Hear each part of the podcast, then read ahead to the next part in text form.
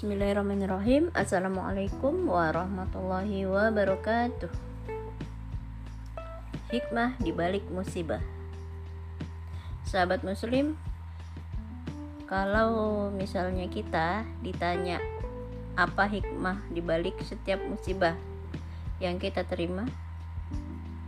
Nah ternyata jawabannya itu tidak enggak cuma satu ya banyak sekali hikmah yang bisa dipetik. Bisa dua tiga puluhan bahkan tak terhitung. Sama pula seperti nikmat yang Allah Subhanahu wa taala berikan kepada manusia. Kita tidak bisa mengukur.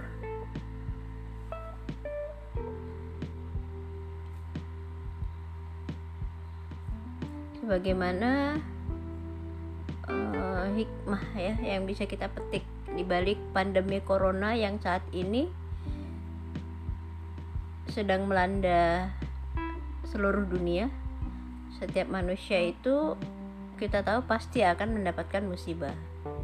Nah, kemudian yang membedakan antara tiap manusia adalah waktunya dan kadarnya.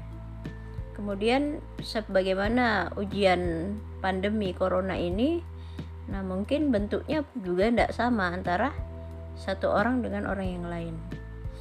Nah, kemudian sahabat muslim ketika di dunia itu bisa jadi kita menangis.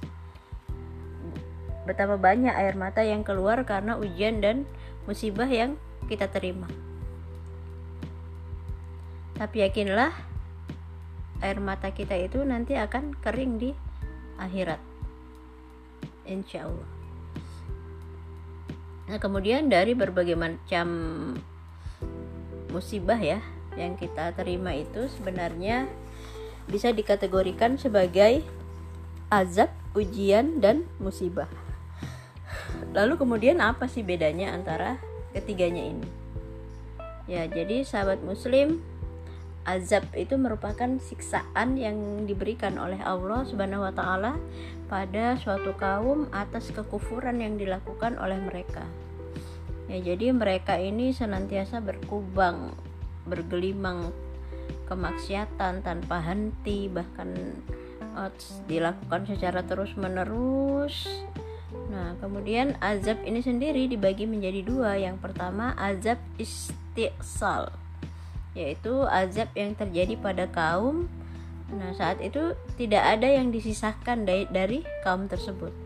Azab ini uh, seperti yang terjadi pada sebelum Rasulullah Shallallahu Alaihi Wasallam diutus oleh Allah Subhanahu Wa Taala ya. Sebagaimana kisah tentang azab ini juga banyak kita temui di di dalam Al-Quran Al-Karim seperti contohnya azab pada kaum Nabi Nuh yang ditenggelamkan semua pas umat yang lalai ya yang ingkar kepada Allah kemudian uh, pada kaum Nabi Lut kalau Nabi Nuh ditenggelamkan dengan air banjir ya banjir bandang. Nah kemudian kalau Nabi Lut itu kotanya dibalik. Jadi uh, terkubur umat Nabi Lut yang ingkar itu. Nah sementara yang kedua itu jenis azab goiru istisal yaitu uh, azab yang terjadi setelah Rasulullah Shallallahu Alaihi Wasallam datang pada suatu kaum. Nah, tapi pada kaum ini disisakan sebagian dari mereka agar mereka belajar dari azab tersebut. Jadi tidak secara total ya di dimusnahkan secara total tapi hanya pada kaum-kaum tertentu saja, pada manusia-manusia tertentu saja. Nah, itu tadi tentang azab, sahabat muslim, kemudian yang kedua ada ujian. Nah, ujian ini sesuatu yang dikenakan pada setiap orang, mencakup ujian yang menyenangkan dan yang tidak menyenangkan. Dalam bahasa Arab, ujian itu disebut fitnah. Maka dari itu disebutkan ya bahwa suami atau istri dan anak itu adalah fitnah atau ujian, bukan musibah. ya kebayang ya kalau istrinya dibilang musibah eh, ngamuk nanti. Ya kemudian uh, semakin beriman seseorang maka semakin besar juga ujian yang Allah Subhanahu wa taala berikan. Nah, orang yang paling berat ujiannya itu di antara manusia itu adalah yang diberi amanah sebagai nabi dan rasul. Tapi tentu saja kita harus selalu ingat bahwa pertolongan Allah Subhanahu wa taala itu tentu lebih besar daripada ujian yang diberikan. Ya jadi Allah memberikan ujian tapi Allah juga yang memberikan memberikan pertolongan. Nah sahabat muslim yang ketiga itu adalah musibah ya. Kata musibah ini disebutkan sebanyak sekitar 77 kali di dalam Al-Quran. Musibah itu identik pada suatu kemalangan hidup sesuatu yang sifatnya menyedihkan seperti kematian, kerugian, penyakit, kebangkrutan, kemiskinan, bencana alam, dan lain-lain. Nah, ujian dan musibah itu sama-sama ditimpakan untuk setiap orang yang beriman. Orang yang beriman ya ujiannya berat, tapi perlu diingat bahwa pertolongan Allah Subhanahu wa taala jauh lebih besar. Nah, kalau ujiannya recehan? Berarti imannya juga recehan dong. Wah.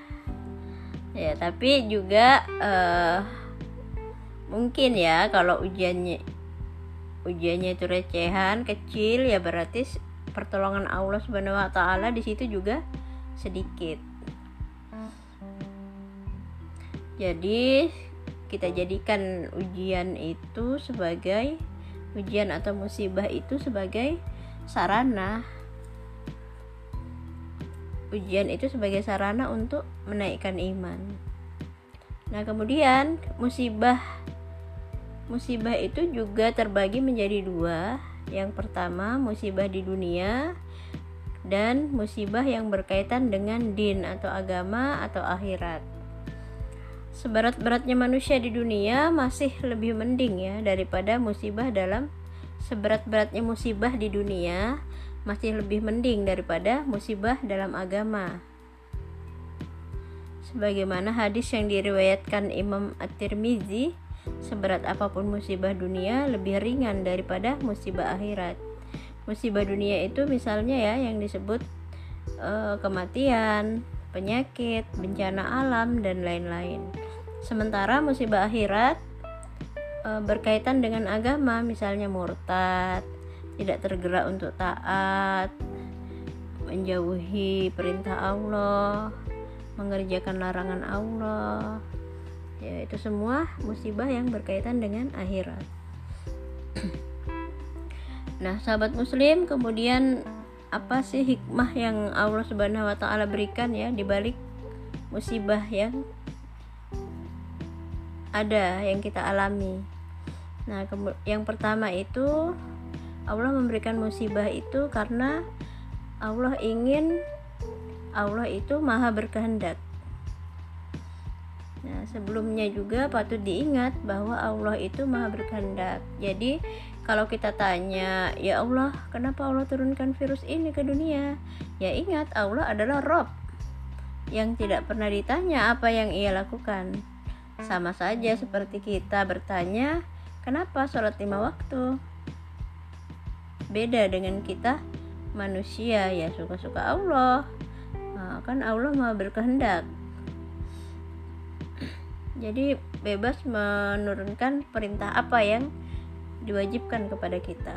Nah, kemudian yang kedua, Allah memberi kita musibah agar manusia tidak jatuh cinta pada dunia karena dunia itu tempat kerugian bayangkan ya jadi kalau tidak ada tidak ada musibah nah manusia tidak akan paham kalau dunia ini tempatnya ujian sementara akhirat wal akhiratu khairu wa abqa akhirat itu lebih baik dan akhirat itu kekal ya memahami ayat tersebut ya lebih bisa dimengerti ketika dalam kondisi ketika kita ditimpa musibah. Jangan sampai kita jatuh cinta pada dunia karena jatuh cinta pada dunia akan membuat kita benci akhirat dan akan membuat manusia takut mati. Padahal mati itu ya ketemu Allah ya, ketemu pencipta. Sedangkan orang cinta, yang cinta pada akhirat malah tidak akan benci pada dunia, tapi akan bersahaja, sederhana saja di dunia, sementara dia mempersiapkan bekal yang banyak untuk akhirat. Biasanya sih kalau ada orang yang jatuh cinta pada lawan jenis, jatuh cinta pada kelompok, jatuh cinta pada dunia, nah ini orang yang paling susah dikasih nasihat. Padahal banyak ya Allah memberi sudah memberi petunjuk di dalam Al-Qur'an, tinggal kita cari. Nah, kemudian yang ketiga, Allah memberi ujian itu karena Allah ingin mengetahui siapa yang beriman di waktu lapang dan sempit. Nah, karena banyak ya orang ketika lapang itu dia lupa ketika sempit baru ingat Allah. Tapi itu masih mending kalau ingat Allah. Kadang-kadang ada juga yang diberi kesempitan diberi musibah justru Allah disalahkan. Ketika lapang dia lupa ketika sempit dia menyalahkan Allah. Nauzubillah min zalik. Semoga sahabat muslim tidak ada yang seperti itu ya. Jauh ya kemudian yang keempat Allah memberi musibah itu karena Allah ingin menaikkan derajat kita di surga. Nah ketika di padang masyar Allah subhanahu wa ta'ala membagi dua kelompok manusia. Yang pertama ahlul musibah atau ahli musibah dia selalu diuji dengan macam-macam hal hidupnya sering susah dan, dan sengsara. Kemudian yang kedua ahlul afiat orang-orang yang semasa hidupnya di dunia banyak mendapatkan kemudahan tanpa usaha yang berarti. Nah, orang yang banyak ditimpa musibah itu, maka yang tersisa dari dosanya akan sedikit karena sudah dihapus ya dari musibah-musibahnya di dunia dan mereka bersabar. Allah Subhanahu wa taala berkata bahwa di akhirat itu Allah Subhanahu wa taala akan memberikan ahlul musibah tiga hal.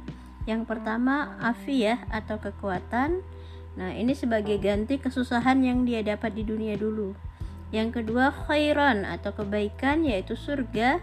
Yang ketiga, manzilan yaitu tempat yang tinggi atau kedudukan yang tinggi di surga. Sampai-sampai dikisahkan itu ahlul afiat ya, orang yang jarang ditimpa musibah itu mendongak ya. Mendongak itu melihat ke atas, melihat tingginya kedudukan ahlul musibah sehingga mereka berkata, "Mengapa ketika di dunia mereka tidak mendapatkan banyak musibah? Bahkan kalau dipotong-potong daging ini pun tidak mengapa." Masya Allah ya, luar biasa. Nah, ahlul musibah itu dekat dengan surga. Maka uh, sebagaimana ya katanya diriwayatkan dari beberapa hadis bahwa penduduk surga itu banyak dari kalangan kaum miskin dan papa serta mereka yang bersabar. Jangan sampai kita sudah miskin sombong pula. Nauzubillah. Nah baiklah. Kemudian yang kelima Allah memberi ujian karena Allah ingin mendekatkan kita kepadanya. Kenapa sih kadang-kadang kita susah ya menangkap hikmah? Kenapa demikian? Ya karena mungkin karena ada kotornya hati kita. Nauzubillah.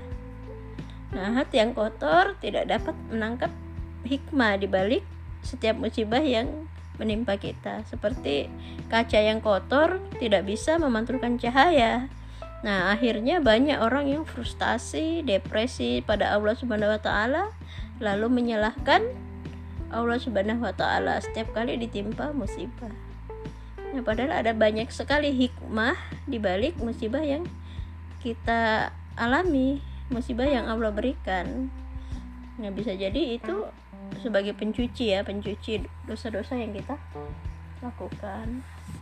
Nah kemudian yang keenam Allah memberi musibah. Nah supaya kita mendapatkan pahala kesabaran. Nah kita datang ke akhirat dengan merugi jika kita bukan orang yang ditimpa musibah.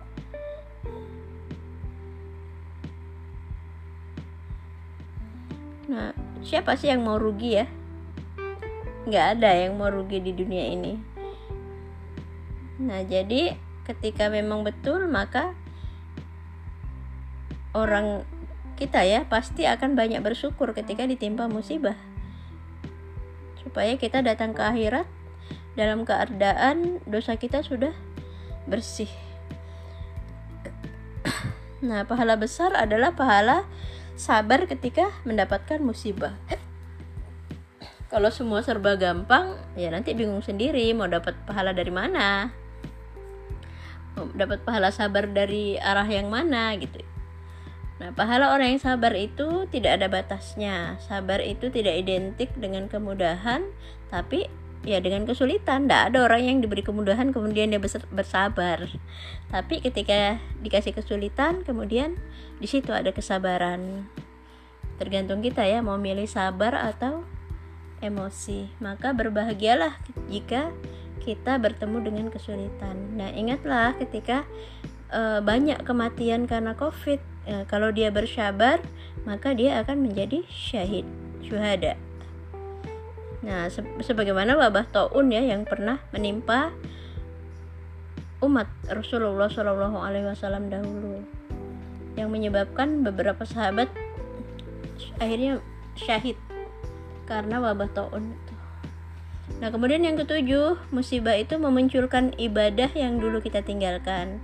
Nah, ketika di rumah saja, kita bisa jadi lebih banyak bertafakur, berzikir, dan memunculkan ibadah-ibadah atau sunnah yang kita lewatkan yang awalnya kita tidak ngeh ya, misalnya kita jadi lebih memperhatikan wudhu, menghargai orang yang bercadar, banyak berdoa kunut nazila, dan zikir berzikir kepada Allah agar kita terhindar dari penyakit.